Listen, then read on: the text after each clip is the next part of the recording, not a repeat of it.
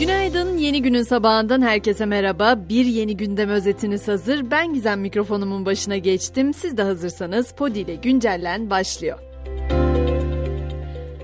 Asgari Ücret Tespit Komisyonu asgari ücrete yapılacak ara zam oranını görüşmek üzere bugün toplanıyor. Asgari ücret tabi sadece bu maaşla çalışanların değil memur maaşları, özel sektörde çalışanlar ve diğer birçok ödemeyi doğrudan etkiliyor. Haliyle 7 milyondan fazla kişinin gözü bu görüşmelerde diyebiliriz. TİSK Başkanı Akkol bayrama girmeden sürecin tamamlanmasını istediklerini söyledi.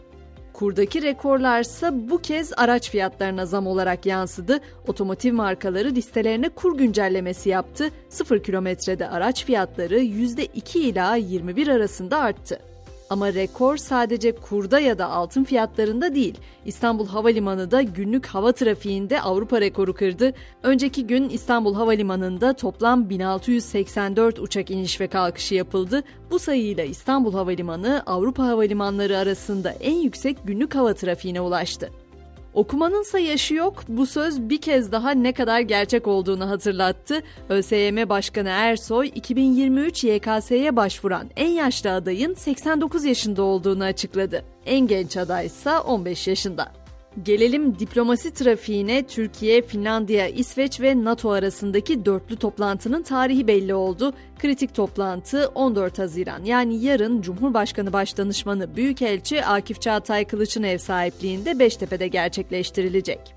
Hemen biraz da yargı koridorlarına uzanacağız. Yargıtay Başsavcılığı HDP'nin seçimlere girmemesini gerekçe göstererek 400 milyon lira tutarındaki hazine yardımı için bloke talebinde bulundu. Yargıtay daha önce de aynı talepte bulunmuştu ama Anayasa Mahkemesi bu talebi reddetmişti. İçişleri Bakanlığı'nın ihbarı üzerine ise İstanbul Büyükşehir Belediye Başkanı Ekrem İmamoğlu hakkında ihaleye fesat karıştırmak suçlamasıyla yeni bir dava açıldı. İddianamede İmamoğlu hakkında 3 yıldan 7 yıla kadar hapis cezası ve siyasi yasak istendi. Biraz da özellikle sosyal medyanın öne çıkardığı haberler arasında gezinelim istiyorum. Gezmek için gittiği Diyarbakır'da Ulu Cami'deki cami cemaatinin sıcakkanlılığından etkilenen Güney Kore vatandaşı Sojin Yun isimli gezgin bir turist kelime-i şehadet getirip Müslüman oldu. Budist bir ailede büyüdüğünü dile getiren Yun'un yeni ismi de Yusuf olarak belirlendi. Gün geçmiyor ki yapay zeka teknolojisi yeni bir sektöre el atmasın. Bu defa McDonald's Türkiye yeni ürünleri için ChatGPT'den destek aldı.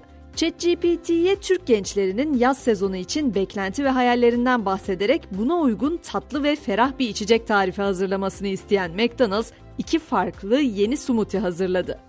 Yapay zekadan bahsetmişken Facebook'un çatı şirketi Meta'da yapay zeka odaklı yeni araçları duyurdu. WhatsApp ve Instagram'a yapay zeka güncellemesi getirilecek. ChatGPT benzeri sohbet botları da yenilikler arasında olacak. Şimdi bahsedeceğim araştırma ise Amerika'dan yer fıstığının zihin sağlığını ve bilişsel işlevleri korumaya yardımcı olabileceği ortaya kondu. Yer fıstığındaki vitamin ve minerallerin nörolojik faydalar sağlayarak bilişsel gerilemenin yavaşlamasına yardımcı olmakla ilişkilendirildiği belirtiliyor.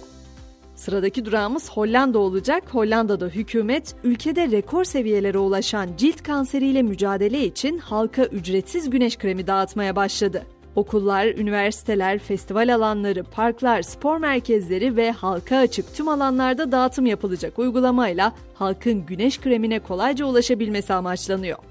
Spor dünyasına geçmeden önce güncellene bu sabah rekorlarla başlamıştık. Yine bir rekorun haberiyle noktalayalım istiyorum. Hindistan'da 6 saatten kısa sürede evlenen 2413 çift adlarını yalnızca evlilik cüzdanına değil iki farklı kategoride Guinness Rekorlar kitabına da yazdırdı. Bu 2413 çift 12 saatte evlenen en çok çift ve 24 saatte evlenen en çok çift olmak üzere iki ayrı kategoride Guinness Rekorlar kitabına girdi. Hemen spordan notumu da ekliyorum. Fenerbahçe'de teknik adamlık koltuğuna Vincenzo Montello oturacak. Adana Demirspor'un İtalyan hocasıyla Fenerbahçe Başkanı Ali Koç'un birkaç gün önce bir araya geldikleri ve her konuda anlaştıkları öğrenildi. Biz de böylece güncellenin sonuna geldik. Bu sabah mottomuz Tolstoy'dan geliyor ve yalnız olmadığımızı hissettiriyor bize. O kadar çok şey düşündüm ki artık hiçbir şey düşünmüyor ve bilmiyorum diyor usta yazar. Akşam 18'de tekrar görüşünceye kadar şimdilik hoşçakalın.